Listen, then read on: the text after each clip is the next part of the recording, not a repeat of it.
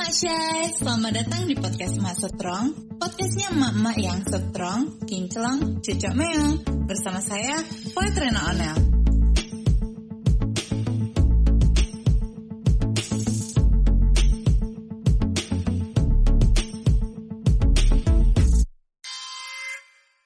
Sebelumnya kami rekomendasikan kepada Mak Syai untuk menggunakan headset saat mendengarkan podcast ini.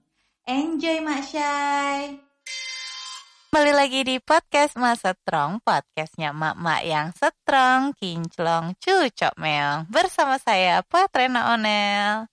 Well, episode kali ini khusus dan spesial, Cile, karena narasumber kita kali ini juga khusus dan spesial.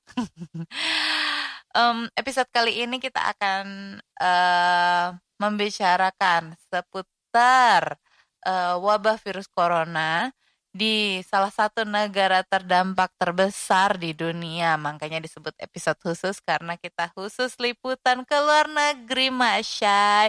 Ini adalah liputan pertama uh, bersama narasumber luar negeri, Cile.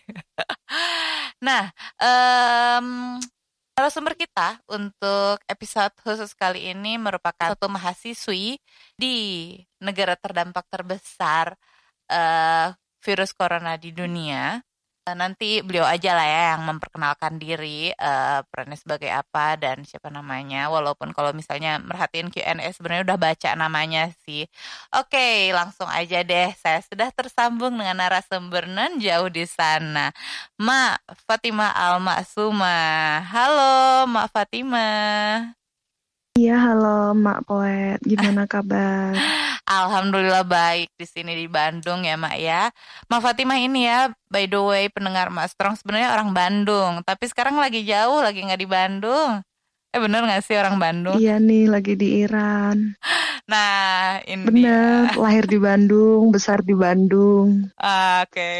lahir di Bandung, besar di Bandung. Sekarang kita terpisah jarak dan waktu waktu karena Mak Fatima sedang S3 ya?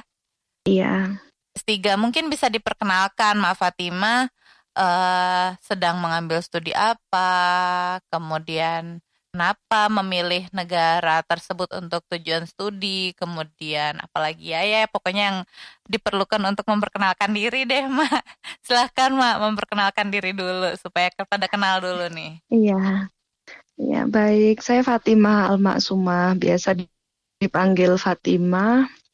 Sedang studi S3 jurusan statistika di Iran, khususnya di kota Mashhad. Mashhad itu kota terbesar kedua di Iran ya setelah Teheran. Jaraknya kira-kira seribu kiloan lah dari Teheran, jadi seperti Surabaya, Jakarta.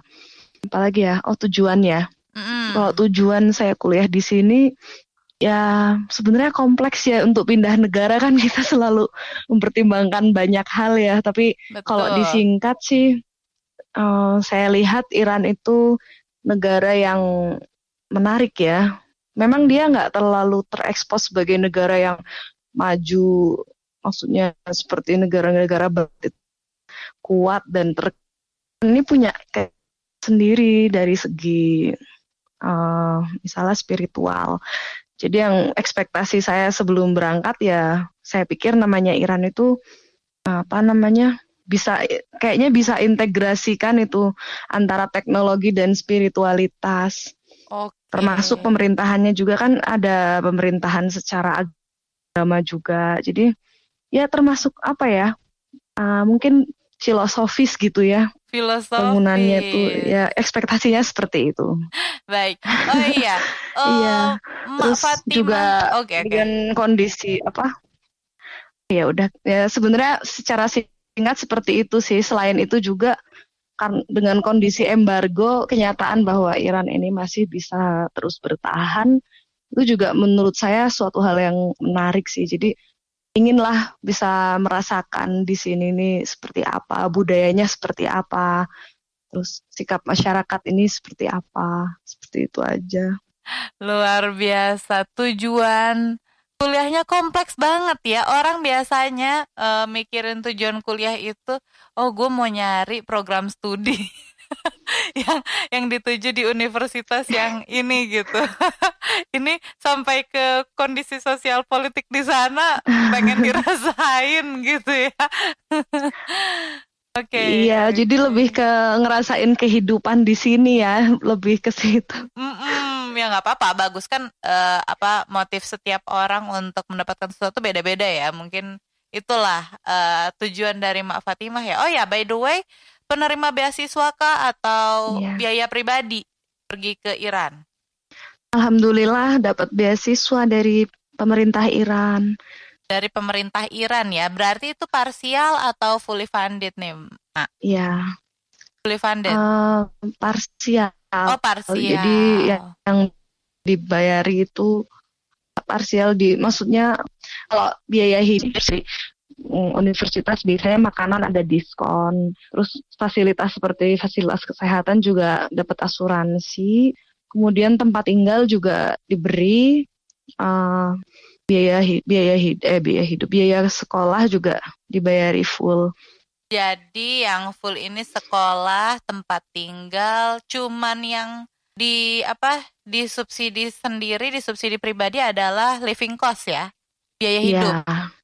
Oke, baik. Wah, mantap banget ya dapat uh, scholarship ke sana, uh, tempat tinggal udah dibiayain, cuman tinggal biaya hidup aja. Oh ya, jadi kepo nih gue. Kalau biaya hidup di sana uh, butuh berapa tuh uh, sebulan, Mak? Kira-kira? Um, kami sendiri sih akhirnya karena beberapa pertimbangan memilih untuk nggak ngambil tempat tinggal yang diberikan oleh kampus. Jadi oh. kami tinggal di luar, jadi uh, tentunya berbeda ya antara yeah, di iya, dalam yeah, pasti, pasti. Uh, kam apa di di fasilitas kampus atau di rumah sendiri itu. Kalau misalnya biaya hidup khusus untuk makan, khusus untuk makan ya kira-kira 200 lah untuk kita bertiga dan itu kita makanannya lengkap dan bergizi lah, bukan yang mepet mepet banget. Oke. Okay. Jadi cukup lengkap. Tapi kalau misalnya apa? ditambahin 200... dengan biaya-biaya main, transport lebih lagi sih. Ada listrik, air, gas gitu. Bisa sampai 300 350. 350 apa mata uang di sana ya berarti? Uh, USD, USD. Oh USD, oke. Okay. Oh pakai eh, emang di sana pakai USD mak? Ya. Um, kami biasa pakai USD karena dari Indonesia bisanya kan tukar ke USD. Di Iran juga bisanya terima USD juga. Jadi kita biasanya ngitung-ngitung dalam USD aja. Oke, okay, baik. Oke, okay. kayaknya kita udah kejauhan. Bisa euro nih. juga sih cuman. Oh iya, bisa USD atau euro. Baik. Kita kayaknya udah kejauhan nih uh, obrolan. Iya. di luar di luar tema. Nah, untuk liputan khusus kali iya. ini kan kita mau ngobrolin tentang social distancing nih, Ma. Di Iran. Iya. Nah, karena uh, ya sesuai yang kita tahu Baik, sekarang ya. corona ini kan sedang mewabah nih ya di seluruh dunia. Di Indonesia juga lagi gempar banget nih sama virus corona ini. Udah udah dua minggu mak di sini uh, apa namanya mengkarantina diri. Memang belum lockdown ya. Uh, keputusan dari pemerintah sudah dua minggu mengkarantina diri. Nah, Iran sebagai salah satu negara yang terdampak terbesar di dunia, uh, bagaimana nih situasinya di sana? Coba Mak cerita dong.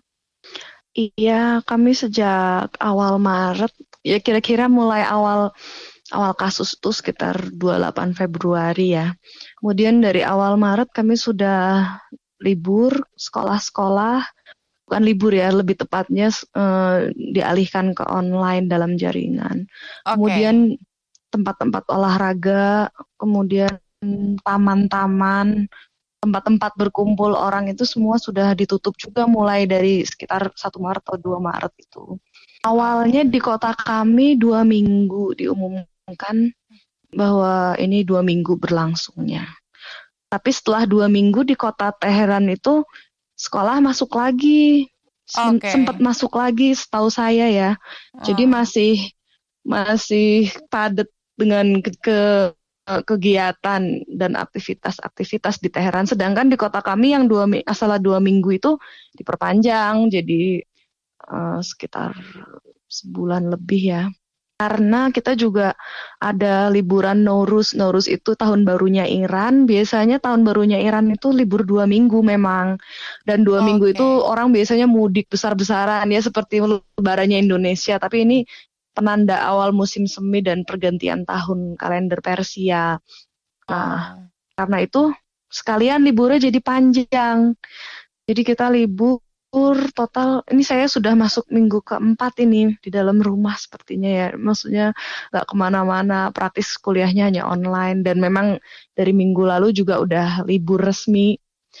Awalnya kantor-kantor juga nggak semuanya libur. Tapi mulai satu minggu yang lalu ini libur total. Jadi kantor-kantor resmi birokrasi apa semua libur. Yang yang nggak libur libur hanya yang benar-benar esensial aja. Benar-benar esensial Kemudian ya. aktivitas Baik. ekonomi juga diliburkan. Ya, ekonomi misalnya toko-toko yang bukan bahan pokok juga libur. Okay. Uh, kemudian juga transportasi umum seperti bis umum dan kereta bawah tanah itu itu juga libur. Di Terus memang juga ya udah ada pelarangan untuk ber, berpergian keluar kota. Jadi ya memang sepi di jalan-jalan tuh udah kosong. Di jalan-jalan udah kosong. Oh jadi berarti sebenarnya uh, anjuran atau himbauan untuk social distancingnya ini cuma dua minggu, tapi berhubung ada libur apa tadi tahun awalnya awalnya ya tahun apa Noris Noris baru ya tahun baru ya Norus, Norus. tahun barunya okay. Persia jadi sekalian dipanjangin gitu sekalian dipanjang supaya ketika diperpanjang tuh semua orang yang kuliah-kuliah dari jarak jauh tuh semua bisa pulang kampung sekalian terus udah sekalian di rumah aja gitu karena kagok misalnya dua minggu libur terus satu minggu masuk nanti dua minggu libur lagi kan nggak enak ya jadi sekalian okay. aja nih dari mulai waktu itu awalnya sampai Gak tau ini berapa minggu ya kira-kira kayaknya udah empat minggu deh. Oh oke. Okay. Tapi boleh di sana mudik. Udah, di sini kan iya. anjurannya nggak boleh mudik mak. Di sana boleh pada mudik, pada pulang Waktu kampung. Waktu itu belum belum dilarang ya. Oh, Waktu awal-awal okay. masih baru mulai ada kasus itu belum ada larangan untuk keluar kota. Jadi begitu langsung ada pengumuman kalau sekolah ini jadi online, hari itu juga orang-orang langsung pulang kampung dan karena memang diperpanjang juga akhirnya akhirnya ya udah di, di desa masing-masing di kota masing-masing. Oh. terutama untuk yang kuliah itu kan banyak yang dari luar daerah ya. Iya betul betul. Jadi uh, masih ada kesempatan ya pada saat itu pada saat himbauan yang belum benar-benar ini pada pulang kampung. Gitu ya mak ya? Iya betul Nah, yang saya tahu seperti itu. Oke. okay.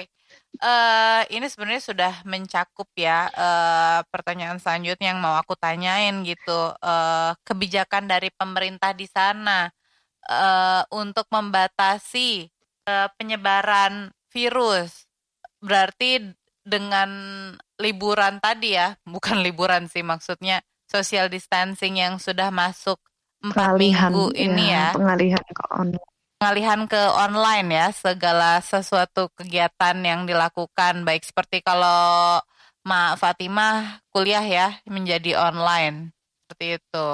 Betul. Oke. Okay. Nah, eh, apakah dengan adanya pengalihan dari yang tadinya tidak on tidak online menjadi online ini sudah ada dampak yang signifikankah? Terus dengan adanya social distancing sudah ada dampak yang signifikankah dari apa penyebaran virus itu menjadi semakin sedikit atau enggak nih? Data hari ini berapa Kalau banyak yang sih? Saya lihat dari belum sayangnya masih belum belum belum signifikan ya perubahannya. Uh, korban meninggal, ya. korban yang terdampak berapa mak hari ini? Banyak banget. Kalau data hari ini untuk yang kasus yang terkonfirmasi ada 27 ribu, wow. yang meninggalnya 2077, tapi yang sudah sembuh 19 Jadi kasus yang masih aktif ada 15.315 tapi uh, dalam kondisi yang masih uh, mild apa ya sedangkan yang kritikal atau serius masih cuma 0% jadi nggak ada yang serius atau kritis. Yang sudah ditutup kasusnya 11.000 jadi cukup banyak ya yang sudah sembuh itu ada 9.600 jadi dari semua kasus yang sudah di, dinyatakan selesai 82 persennya itu sembuh, 18 persennya meninggal. Tapi kalau dari total kasus keseluruhan, kasus yang terkonfirmasi masih kurang dari 10 persen ya, kira-kira 8 persen yang meninggal. Oh, lumayan ya, banyak. Uh, untuk hari ini sendiri, betul ya lumayan. Terus daily cases, jadi ada hari-hari pertambahan kasus per hari itu beberapa sekitar beberapa hari ini ya, kira-kira 12 hari ini setiap harinya kayak bertambah sekitar seribuan terus gitu. Dan oh. hari ini saya pikir cukup banyak, bertambah 1.700 paling banyak dibanding hari-hari sebelumnya. Saya nggak tahu ini karena apa ya. Uh-huh. Saya sebenarnya sudah berharap dari dua minggu yang lalu karena saya lihat kota sudah sepi, aktivitas sudah sangat berkurang dan uh, Eh, pembatasan penerbangan juga sudah terlihat penerbangan udah benar-benar sangat sedikit apalagi yang keluar negeri itu saya kira sudah bakal berkurang dalam dua minggu ini. Mm-hmm. paling enggak untuk pertambahan kasus perharinya ya. Tapi yeah. ternyata ini masih bertambah hari ini. Tapi bertambah itu kan bukan berarti bertambah karena hari ini tertular tapi karena mungkin dua minggu atau tiga minggu sebelum ini dia sudah tertular tapi baru mulai dites baru mulai. ya benar-benar memang ya ya mungkin ya mungkin kita harus lihat lagi seminggu atau dua minggu ke depan ke untuk depan. lihat perkembangan kasusnya apakah iya. akan menurun atau enggak. Mudah-mudahan nggak tambah banyak ya ininya apa namanya? Iya, amin amin. Uh, persebarannya gitu.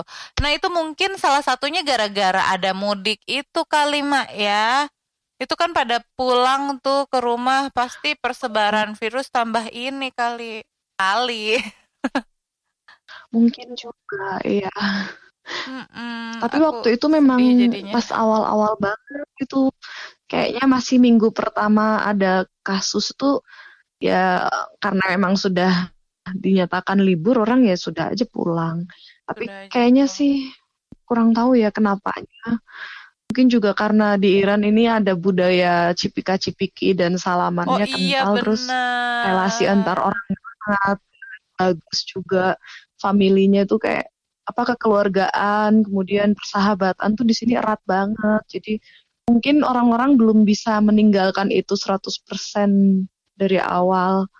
Oh, mungkin see, ya, ini juga baru bisa mungkin. jadi kurang tahu ya kan banyak ini ya. Penularannya kan ya lewat itu jabat tangan aja sekarang di sini udah nggak boleh. Salamannya udah ala ala uhti uhti gitu kan di sini juga uhti uhti betul iya. Gimana kabar yang Iran? Yang budaya cipika cipiki? dari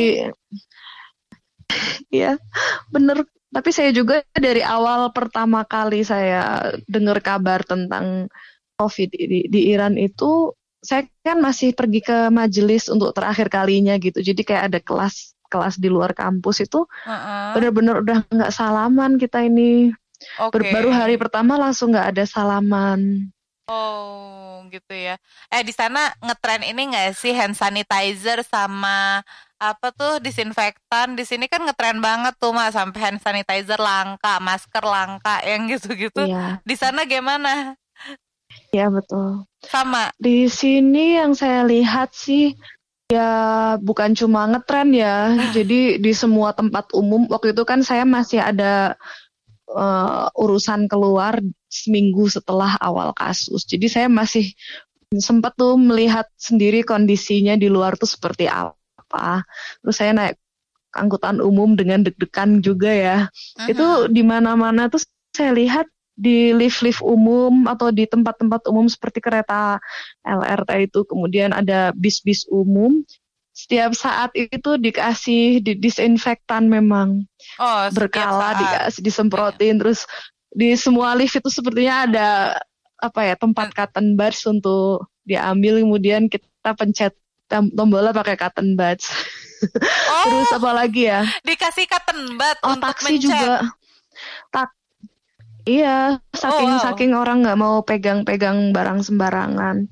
Tapi kan megang Terus taksi juga, juga mulai pertama kali ada corona Oh, tapi cotton budnya dibuang ya? Oh iya, pegang. Cotton bud saya dibuang. Oh, I see, I iya, see. Iya, iya, iya, iya, iya. Sekali pakai. Iya, iya, iya, iya, iya, iya. Ya. Itu pun setiap berapa waktu sekali, kayaknya setengah jam apa sejam sekali atau 15 menit. Saya kurang tahu interval waktunya ya. Uh-huh. Lift-lift umum terus uh, apa semua tempat umum-umum seperti tempat apa ya me, kereta-kereta metro tuh di disemprotin terus disemprotin terus. Kemudian ya, taksi ya, ya, juga ya. tuh taksi juga dari awal mulai ada corona beberapa hari kemudian taksi-taksi online tuh ada pengumuman aturan-aturan baru mengenai taksi misalnya kita nggak boleh pegang-pegang alat apa kursi di taksi kemudian mereka juga bilang bahwa ini mobil selalu disemprot disinfektan berkala okay. terus rata-rata nggak mau terima ini mau terima cash. Jadi mereka sudah memang di Iran ini transaksi sudah biasa pakai kartu gitu kan, pakai okay. gesek gitu. Jadi kita pakai kartu, terus kartu itu diminta untuk disemprot dulu sama disinfektan mereka sendiri yang bekal. Oh gitu. Jadi ini kebijakan emang, pemerintah ya, atau bener. inisiatif? Inisiatif sih, ada okay. inisiatif, ada pemerintah karena pemerintah itu uh, gencar juga penyebaran informasinya. Misalnya di setiap nomor orang tuh di SMS khusus dari Kementerian Kesehatan.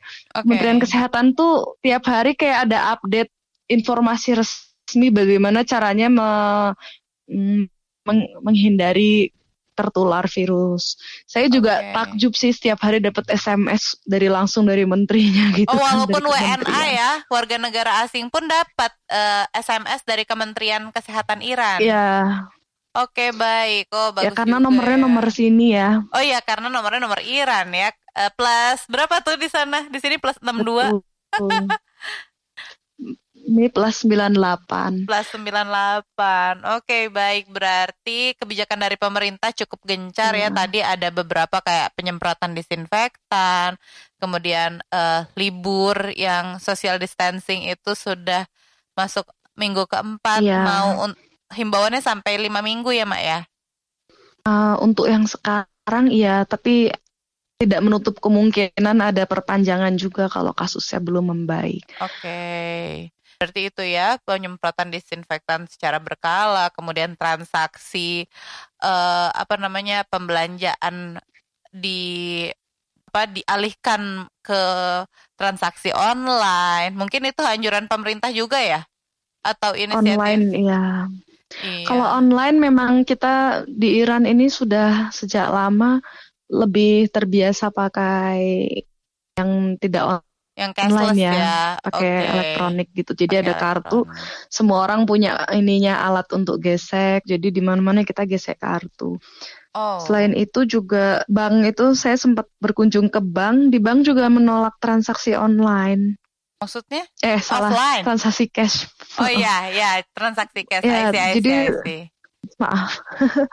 jadi hanya terima yang transfer. Pokoknya semua yang online terima. Tapi kalau untuk uang cash mereka sendiri nggak terima. Wow, se menyeramkan itu. Bahkan uh, itu bank loh. Iya iya I see I see I see itu padahal. Iya jadi ya. sangat sangat berhati-hati lah orang Iran ini saya lihat ya mm. walaupun saya sempat terpaksa harus keluar itu saya saya rasa sih kotanya sudah kompak sepi aja orang-orang di mana-mana ada poster tulisannya uh, rumah paling aman silahkan diam di rumah saja oke okay. ya lebih ke kayak ke arah himbauan ya nggak ada patroli-patroli tapi orang sudah otomatis diem di rumah. Berarti disiplin ya, Nek. Orang Iran kalau di Indonesia kan ditilang aja udah mencak-mencak tuh. Betul, Mak. Jadi di sini tuh orangnya memang dari aslinya sudah sangat menjaga kebersihan dan kesehatan. Wow. Saya di sini tinggal tiga tahun, sekitar tiga tahunan. Oh, memang semua tahun. orang tuh sama kesehatan sama kebersihan tuh benar-benar menjaga. Wah, mantep banget nih. Bisa ditiru ya orang Indonesia menjaga kebersihan dan kesehatan. Betul. orang Ilan. Oke, baik-baik. Kebersihan pribadi, kebersihan mana pun itu bersih banget. Terus mereka kalau makan buah tuh budaya itu emang suka makan buah, suka makan makanan yang bernutrisi banyak. Terus Oh, oke. pokoknya makanannya bagus deh, kualitas tinggi. Oh, nggak doyan suka gorengan ya. Orang fast Iran tuh yang harus gitu-gitu kurang suka. harus nyobain gorengan tuh. Aduh, itu kayaknya ngelihat aja udah nggak mau makan deh. Oh iya, orang Iran nggak doyan ya sama gorengan ya. Ya, soalnya banyak yang takut eh, takut kolesterol. Jadi Wow. kalau orang udah jaga kesehatan di sana benar-benar menjaga banget. Karena kita pernah juga bawain keripik terus mereka nggak mau. Oh gitu. Oh ya ampun, kulturnya beda. Baik. Oke, eh kita lanjut ke topik lagi nih. Apakah di Iran ada semacam Baik, tes masif atau tes massal dari pemerintah, Mak?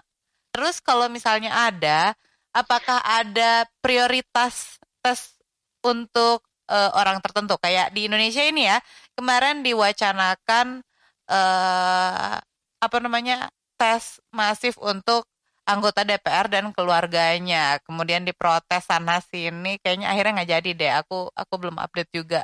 Apakah ada eh, kebijakan soal tes masif atau massal di Iran?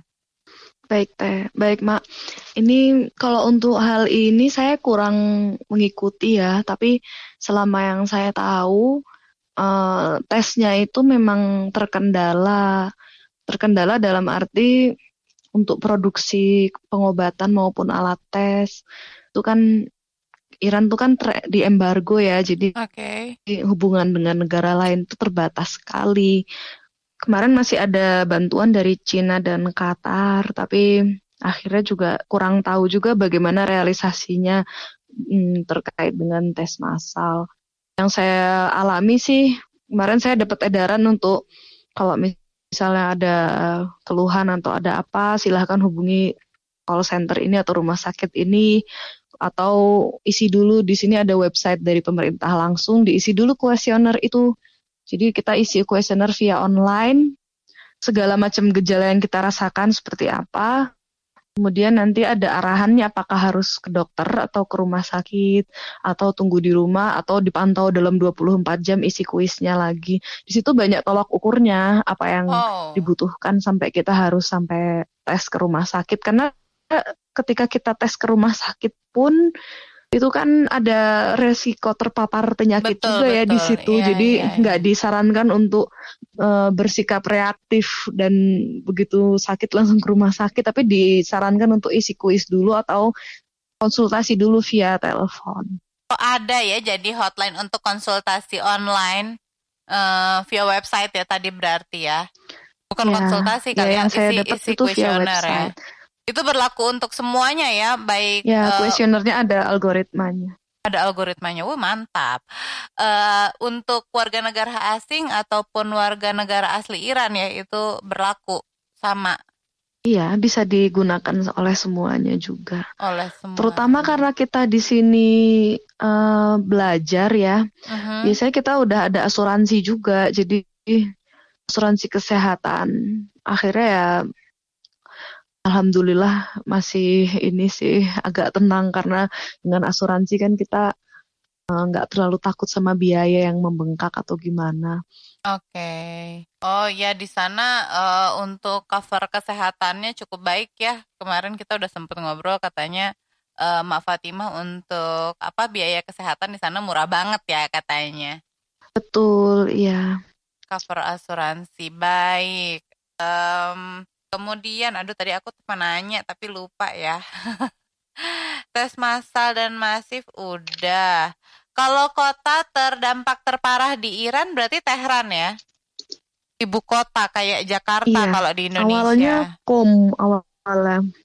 Kom. Kom itu, Kum itu kayak tuh? Bandungnya. Kum itu oh, kayak Bandung. Well, kota oke. kecil sebelah. Ya, ya, deket lah. Deket sama Teheran. Itu awalnya paling Oh. banyak awalnya. Tapi gitu. beberapa hari kemudian berbalik jadi Teheran yang terbanyak karena memang Teheran tuh ibu kota yang tingkat Iya. okupansinya tinggi banget ya. Pasti pasti. Aktivitasnya tuh padat sekali tiap hari. Heeh, jadi eh, Tehran yang paling tinggi ya ininya Betul, iya.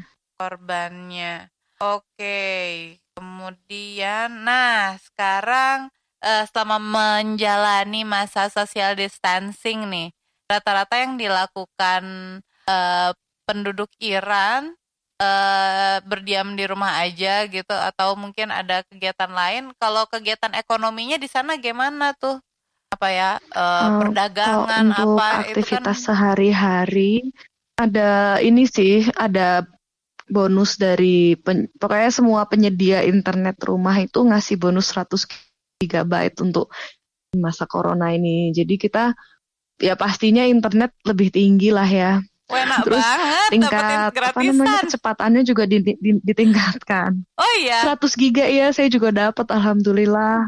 eh beneran itu enak banget. Terus untuk guru mahasiswa eh guru ya yang saya tahu ya pokoknya yang bukan sama online bekerja di rumah gitu itu juga dapat tunjangan on, buat online itu jadi data gratis gitulah. Tunjangannya Jadi berupa pasti sih selain belajar berupa ini ya data Ya, beru- ya.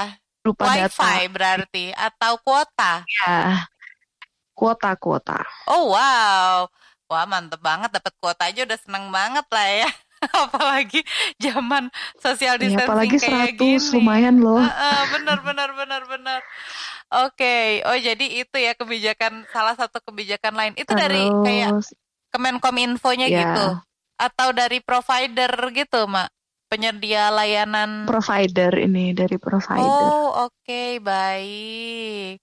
Lalu kalau Mak Fatima sendiri eh gimana pengalamannya Kemudian- selama Kemudian apa lagi nih? Ada apa lagi yang bisa diceritakan?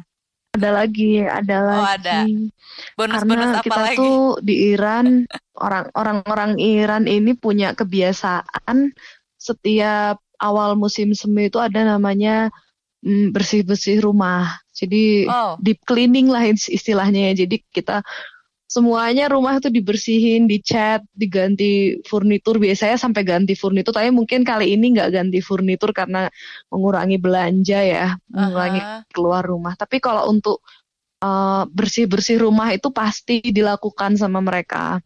Bersih-bersih yang paling detail itu dilakukannya di awal musim semi biasanya. Kalau saya rasa itu sih udah pasti dilakukan oleh orang-orang Iran. Selain internet yang bertambah juga kuliah online dan ketika libur memang benar-benar libur udah bukan kerja atau kuliah online, mereka beres-beres rumah. Memang kalau di awal tahun baru tahun baru Iran ini biasanya mereka saling bersilaturahmi tapi berhubung nggak boleh, jadi akhirnya ya di rumah aja. Di rumah aja. Terus apalagi ya? Oh, di sana ada Iya. yang ini nggak sih fenomena nimbun-nimbun makanan, Mak? Yang apa sih panik buying, panik itu nggak ada, alhamdulillah. Oh, gitu di sana nggak ada. Alhamdulillah dari awal saya ada corona di Iran ini nggak pernah mengalami namanya kehabisan stok makanan. Kita ke mana pun masih nyantai mau beli apa aja ada. Harga nggak ada yang naik satupun barang nggak ada yang naik selain barang-barang impor tentunya ya. Kalau barang-barang kebutuhan pokok, kebutuhan dasar karena memang di sini ini udah swasembada pangan, Mhm. jadi kita nggak pernah kekurangan. Misalnya beras, telur, ayam itu bahkan nggak naik, bahkan masih fluktuasi biasa lah. Maksudnya naik seribu, seribu turun seribu seperti itulah. Oke. Tapi ya nggak susah, kita stok masih banyak. Yang jelas lebih meningkat penjualannya pasti toko-toko online ya. Oke. Alhamdulillah juga ada toko online, jadi kita di sini cuma beli online terus, nggak pernah keluar rumah, bener-bener nggak keluar. Bener-bener nggak keluar ya. Nah, kemudian eh, aku jadi penasaran. Hmm. Kemarin itu di Indonesia eh, dari Presiden Jokowi sempat apa ya kayak em, bukan mempromot, mengkampanyekan gitu untuk menjaga meningkatkan imunitas tubuh dengan eh, resep.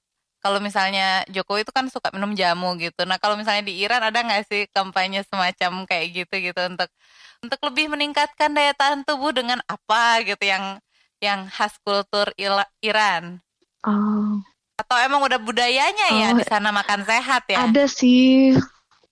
Betul, betul.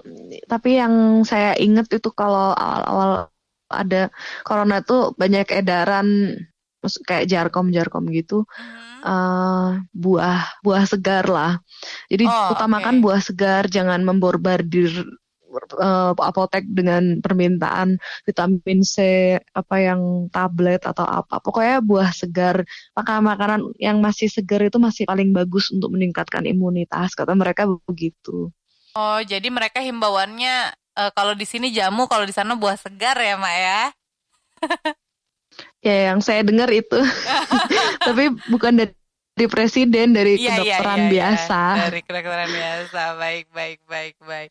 Soalnya di sini banyak banget yang tiba-tiba yang jualan-jualan online pun gitu, uh, jualan jamu gitu kan untuk meningkatkan imunitas, kunyit lah, temulawak lah, apalah.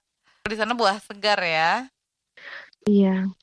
Ya karena di sini pun sudah biasa setiap kali pergantian musim itu pasti kan musim sakit tuh. Jadi kita biasa sering disuruh minum minuman penguat. Ada juga sih minum semacam jamu versi Iran itu ada. Apa tuh Saya jamu versi juga, Iran? Uh, beberapa kali konsumsi. Jamu ya jamu-jamu versi Iran ada juga jadi herbal. Itu iya, herbal misalnya Iran apa contohnya uh, Saffron herbal ya? misalnya untuk meningkatkan kekuatan tuh misalnya apa ya? Ini empat jenis jinten misalnya. Oh, itu jinten. juga sering dikonsumsi di sini. Oke, oh, habatus sauda gitu bukan sih Ada macam-macam sih. Habatus sauda kan jintan hitam. Kalau okay. ini empat jenis jintannya. Oh, wow. Ya, ada juga yang mengkonsumsi jintan hitam. Tapi biasanya juga jintan hitam tuh ditabur di atas roti dan orang Iran tuh semuanya sarapan pasti roti. Jadi oh, gitu. kalau bukan jintan hitam, uh, mereka bilang apa? Wijen juga wijen. atau pakai apa. Okay. pokoknya pasti ada makanan-makanan penguat di uh, di bahan makanan mereka. Jadi udah otomatis. Udah otomatis sehat lah ya. Ya ampun ini bagus banget budayanya ya. Nggak kayak kita makannya gorengan say. Iya soal soal kesehatan sih saya pikir makanan sehat di sini banyak gitu. Jadi terus ada ini juga jadi khusus orang tuh herbal-herbal tuh bener-bener dijaga masih tetap ada dan dikonsumsi terus. Nah, ah, siap. Mantap banget. Herbal-herbal juga ya. Baik, kita kayaknya materinya udah. Ini ada beberapa pertanyaan dari uh, followers Mas Strong. Uh, kita langsung aja ke pertanyaan kali ya, karena di pertanyaan juga ada beberapa hal yang bisa didiskusikan. Baik, baik. Oke. Okay. Uh, eh, ini mau dibacain satu-satu atau uh, semuanya dulu baru dijawab? Satu-satu aja, Mak. Ingatan saya kurang baik kayaknya deh. baik, baik, baik, baik.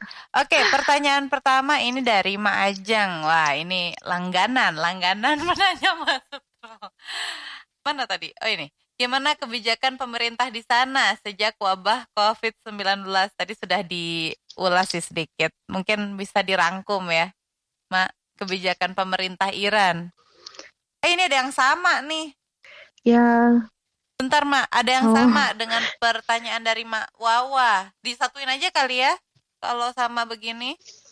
Boleh, iya. Nah ini, tanya Mom, sempat lihat data terbaru bahwa Iran kalau nggak salah lihat paling banyak nambah angka kematian sebab COVID-19. Emang kondisi di sana dan tindakannya kayak apa? Apa sama kayak di Indonesia atau gimana? Nah ini mirip-mirip lah e, kebijakan pemerintah dan e, kondisi dan tindakan ini udah diobrolin sih. Cuman mungkin disingkat kali dari Mak Fatimah bagaimana Mak? Kebijakannya ya paling utama soal social distancing ya, pembatasan aktivitas masyarakat, pembatasan perjalanan ke luar negeri maupun antar kota, kemudian aktif apalagi ya untuk ekonomi pun sebenarnya ada bantuan, jadi ada bantuan langsung tunai wow. dan ada juga pinjaman tanpa bunga untuk membantu masyarakat yang nggak bisa keluar rumah. Wow, Ada wow ada lagi BLT. untuk produksi juga ditingkatkan. Oh, Oke, Iya, produksi betul. ditingkatkan. Saya lihat ada, saya lihat beritanya ketika sedang disiapkan, tapi belum tahu apakah memang sudah diimplementasikan atau belum. Ada Oke, bantuan yang jelas. Kemudian ada juga eh, peningkatan produksi massal untuk alat-alat kesehatan maupun eh, obat-obat. Eh, pembagian alkohol, dis- pembagian disinfektan tuh dibagi gratis juga. Masyarakat Wow, di beberapa kota. Juga kebijakan untuk disinfeksi berbagai tempat umum, eh, juga libur total eh, semua kantor dan aktivitas ekonomi kecuali aktivitas-aktivitas pokok yang berkaitan dengan ya, kebutuhan pokok manusia Ya, ya ya, ya, ya, tentunya. ya, ya, itu bisa dipahami karena kita Apalagi ya butuh. kira-kira Apalagi? ya oh mengenai pertambahan kematian yang banyak itu memang iya persentasenya banyak, tapi kalau saya lihat di data bukan yang terbanyak. Oh gitu. Memang salah satu yang banyak iya, cuman kalau yang terbanyak sekarang hari ini ya per hari ini Oke, Italia itu Italia ya. menyumbang 6.800 kematian, Iran itu 2.000, terus Oke. Spanyol 3.400 kematian. Oh Spanyol. Memang iya banyak tapi bukan yang terbanyak. Itu ralat-ralat aja ya. Oke, oke. Terus Salah kalau persentase cukup tinggi, tapi bu- bukan yang tertinggi juga. Oke. Persentase terhadap total kasus cukup tinggi. Tapi yang perlu digarisbawahi juga eh, tingkat kesembuhannya ini cukup mulai naik signifikan lah Tingkat kesembuhan juga yang naik lain. Persentasenya banyak lah yang sembuh ini. Oke. Eh, Iya, Mak tahu nggak sih? mungkin kalau Oke. saya lihat di gimana? Enggak, kalau dilihat di mana tadi? Dilanjutin dulu aja. Ya, dilihat di data historiknya, memang di awal-awal ini kematiannya memang tinggi. Oke. Jadi sampai kira-kira awal-awal lah minggu-minggu awal tuh tinggi lebih lebih banyak yang meninggal lah daripada yang sembuh. Kira-kira berapa hari lah. Kemudian lama-lama ini berbalik. Akhirnya sekarang selalu di atas 80% kasus yang sudah dinyatakan ditutup atau selesai itu eh, sembuh 80% ke atas lah.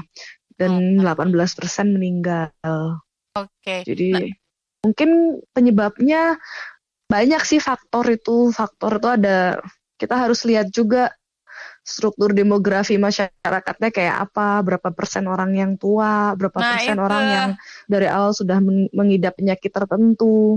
Jadi belum tentu karena pelayanannya juga. Jadi bisa Iya. jadi dari pelayanan, bisa jadi karena struktur masyarakatnya dari awal juga ada orang tua atau ada orang yang misalnya udah sakit duluan, misalnya seperti Nah. itu ya. Itu sebenarnya yang mau jadi pertanyaan aku. Sebenarnya eh, korban meninggal yang banyak di Iran ini usia berapa kira-kira, Mak? Rata-rata. Bukan kira-kira, Ah, rata-rata. Belum, saya nggak dapat datanya. Oh iya. Oh, Nggak dapat datanya kurang ya. saya. Katanya kalau misalnya di Tapi secara kan umum orang tua ya, sama orang tua. Oke. Sama orang tua dan yang komplikasi biasanya. dan yang Yang meninggal. komplikasi. Oh iya. Eh, soalnya katanya kan kalau misalnya kayak di Italia itu memang kebanyakan eh, populasinya orang tua yang meninggal gitu. Kalau di Iran sama aja Betul ya itu mungkin di ya. Eropa khususnya karena mereka menekan pertumbuhan penduduk, jadi banyak orang tua. Kalau di Iran memang ada saat-saat mereka menekan pertumbuhan penduduk di salah satu pemerintahan di Iran. Jadi ada saat-saat mereka tuh hanya boleh punya anak berapa gitu sedikit pokoknya. Tapi ada saat juga udah nggak ditekan pertumbuhan penduduk itu. Ketika ditekan akhirnya sekarang kan banyak orang lansia juga. Emang umurnya juga kayaknya usia harapan hidup di sini aslinya tinggi. Jadi emang rata-rata orang tuanya emang lebih banyak. Oh, oke, baik. Yap. Pertanyaan selanjutnya dari Mak Ara. Ada analisa karena nggak sanggup lockdown, maka Iran berharap dari herd immunity. Apa benar? Herd immunity ini kalau nggak salah aku baca-baca eh yang antibody itu jadi kebal gitu terhadap si virusnya. Bener nggak tuh? Betul. Oh, betul. Iya, jadi herd community itu kita mengharap semua orang kena, banyak yang kena lah sekitar 60% sampai 70% dari populasi itu kena dan karena banyak yang kena ada kekebalan masyarakat yang terbentuk. Jadi kekebalan pribadinya udah mulai tinggi sehingga virus ini sudah nggak bisa masuk lagi, nggak bisa menularkan lagi. Jadi dia mengandalkan itu. Uh, kalau dari saya sendiri, uh, saya sendiri bukan pihak yang berwenang untuk mengeluarkan uh, kebenaran atau konfirmasi kebenaran dari analisis ini kan karena analisis kan dibuat oleh orang ya, ya bukan betul, betul, bukan resmi dari pemerintah. Kalaupun yeah. benar, pemerintah tuh nggak punya hak gitulah. Pemerintah secara etis nggak mungkin ngomong bahwa ini diharapkan akan apa mengandalkan herd community gitu kan. Iya iya iya iya iya. Di mana pun pasti pemerintah akan bilang stay at home dan kita kurangi korban okay, gitu. Iya, benar-benar. Oke, baik. Terjawab sudah ya, berarti uh, seperti itu, Mbak. Iya. Oke, pertanyaan selanjutnya ini dari Mbak Michiko Mutiara. Saya unik ya. Podcast yang Iran, penduduk Iran ada iya. yang suka bandel nggak ya? Yang suka melanggar social distancing. Penasaran kapan tepatnya social distancing dipatuhi betul-betul di sana? Gimana, Mak? Ada yang bandel nggak sih? Kayak orang Indonesia gitu ditilang, mencak-mencak. Atau kesadaran ininya sudah cukup tinggi di Iran? Tadi udah dibahas sedikit ya. Awal-awal memang masih ada ya berita-berita. Berita-berita ada yang masih berlibur gitu, ada aja. Oke. Okay. Tapi kalau secara umum sih saya lihat sepi di kota saya. Maksudnya saya lihat secara mata kepala sendiri, sepi banget tapi memang kayaknya nggak langsung efektif himbauan itu dipatuhi itu memang oh, iya, itu ada. waktu sampai orang tuh sadar bahwa ini korbannya udah banyak dan bukan kasus main-main. Oh I see, ya sama sih kayak di sini juga awalnya masih ada tuh bahkan sampai dibilang libur corona segala kan. libur karena iya, betul. wabah. Tapi ternyata sekarang sudah rada mulai ini walaupun masih ada sih yang kayak kongkow-kongkow gitu masih ada, cuman sudah lebih baik. Mungkin di Iran juga sama ya fenomenanya namanya juga manusia. Ada masih ada yang bandel di awal-awal, sekarang yeah. Kesadarannya makin baik. Oh iya, oh iya tadi aku tuh mau nanya ini, Mak. Eh uh, di sana di... gimana gimana? Kalau ya, di apa? Betul. Jadi ingat maaf di Teheran itu kebanyakan aktivitasnya mungkin lebih berhubungan ke ekonomi ya. Jadi oh. karena banyak orang yang nggak bisa hidup kalau nggak keluar rumah, akhirnya okay. mereka tetap keluar. Atau kantor-kantor itu kan nggak semua bisa libur juga. Ketika kantor belum semuanya dialihkan menjadi online atau diliburkan, mereka akan tetap berangkat. Intinya seperti itu sih saya rasa kalau soal presentase orang yang bandel mungkin nggak terlalu banyak, nggak sampai ada penumpukan di satu tempat wisata karena tempat wisatanya sendiri sudah ditutup. Tempat wisata Dari awal tuh langsung ya. tutup Baik. ininya. Banyak sekali situs wisata ditutup, iya. Situs wisata ditutup. penting itu, Mak. Kalau nggak banyak apa sih di Iran banyak tempat-tempat ziarah gitu kan ya? Iya nggak sih? Iya kan? Betul. Perlu. Jangankan tempat wisata, ma tempat olahraga juga dari awal langsung ditutup. Oh iya, bagus lah. Perlu. Gym, ya, ya, gym ya. itu tutup udah. Uh. Iya. Oke. Okay. Oh iya, aku tuh tadi mau nanya. Kalau di Indonesia ini kan ada rumah sakit dadakan tuh kayak Wisma Atlet dijadikan uh, rumah sakit untuk yang terdampak uh, wabah. Uh, kemudian uh, tadi lihat postingan salah satu apa influencer influencer juga sih sama Ramani kalau di New York katanya universitas-universitas tuh dijadikan uh, tempat apa ya tempat singgah tempat singgah tempat untuk pengobatan uh, pasien terdampak corona. Nah kalau misalnya di Iran uh, adakah perubahan uh, tempat umum menjadi fasilitas kesehatan atau rumah sakit di sana cukup menampung Eh, pasien-pasien uh, yang membludak dari karena wabah corona ini? Yang saya tahu sih belum ada ya. Kalau umum itu. Setahu saya memang rumah sakit masih rumah sakit yang dipakai dan universitas yang memang ada jurusan kedokterannya.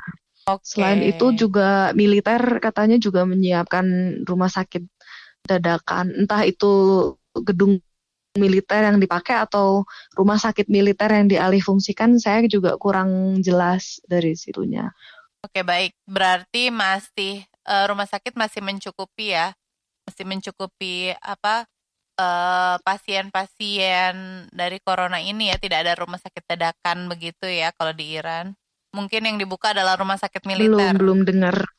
Ya, oke okay, baik. Wow. Ya. Siap. Udah banyak banget yang diobrolin ya uh, episode khusus kali ini uh, seputar uh, uh, wabah corona di Iran. Makasih banyak loh Mas sudah mau berbagi dengan Mas Strong. Makasih banyak juga Ma udah mau dengerin ya seputar curhatan yang lagi di, di rumah nih di karantina. Di karantina. eh, oh iya, tapi uh, warga Indonesia di Iran aman-aman ya? Enggak kan yang di Wuhan itu pada pengen pulang tuh di Iran uh, pada pulkam nggak tuh warga Indonesia di sana? Pulang ada yang pulang tapi mandiri bukan dipulangkan. Oh, okay. Itu terakhir yang saya dengar kabarnya itu tanggal 9 Maret. Setelah itu nggak ada penerbangan via Kuala Lumpur. Jadi biasanya kan kita transit lewat Kuala Lumpur lalu okay. ke Jakarta atau lewat Doha kemudian ke Jakarta udah nggak ada penerbangan-penerbangan tersebut dan sisanya hanya satu lewat Thailand dan itu hanya seminggu sekali dan harganya lonjakannya tinggi sekali. Jadi ya, setahu tinggi. saya sih yang pulang terakhir itu kloter terakhir yang pulang mandiri 9 Maret. 9 Maret, baik. Sisanya alhamdulillah belum ada kabar ada yang sakit. Semoga nggak ada yang sakit ya Teh. Semoga ya nggak ada yang sakit warga Indonesia yang di sana mudah-mudahan sehat-sehat uh, bergaya Amin. hidup sehat lah. Warga Amin, Iran juga ya, ya nggak cuma warga Indonesia yang di sana ya. Mudah-mudahan semualah seluruh dunia segera uh, pulih iya. dari apa wabah penyakit ini. Soalnya bosan di rumah mulu. Iya. Amin. Oke, okay, sekali lagi terima kasih. Iya. Sebelum kita tutup Amin. nih, kalau misalnya ada yang mau menghubungi Mak Fatimah, dihubungi ke mana Mak Fatimah? siapa tahu kan. Boleh ke Instagram at fatimah.ali. Fatimahnya ada haknya jadi F A T H I M A H dot A L I. Oke, langsung aja ke Instagram boleh DM atau ini ya komen ya Mak ya ke Mak Fatimah. Boleh ya. Siap. Aduh, terima kasih banyak Mak Fatimah sekali lagi uh, interview internasional pertama Indonesia Iran. Makasih ya, banyak. Mohon nih. maaf loh kalau ada kurang-kurang info atau uh, salah info. Moga-moga dimaafin siap. ya. Kalau ada ralat juga boleh langsung hubungi saya. Oke, okay, siap, Biar saya juga mem okay. memperbaiki atau ke teh kemak kemak poet kali ya hubunginnya kalau ada salah-salah sayanya. Iya, boleh lah kita sama-sama. Uh, yang jelas uh, karena wabah ini kita semua harus semakin aware, apalagi sebagai emak-emak kan kita uh, mengurus keluarga uh, supaya kita semakin aware satu sama lain akan kesehatan, akan kebersihan, kebersamaan juga kan. Iya. Oke, sekali lagi oh ya, ya udah ya. Berarti sudah terima kasih. Terima kasih juga kepada pendengar Mas Terang yang sudah mendengarkan episode khusus kali ini. Mudah-mudahan uh, bisa menjelaskan ya suasana uh, situasi terkini dari uh, wabah corona di Iran. Semoga uh, bermanfaat, bisa diambil hikmahnya, uh, kita bisa saling aware sama-sama dan menjaga satu sama lain. Kita tutup dulu episode podcast kali ini. Uh, sampai jumpa di episode podcast selanjutnya. Bye, Mak Syai. Mak Syai sekalian, makasih banyak ya udah dengerin episode podcast kali ini. Semoga episode kali ini bisa bermanfaat buat emak-emak semua. Jangan lupa share ke emak-emak lain ya. Dan tetap jadi emak-emak yang strong, kinclong, cucok meong. Bye, Mak Syai.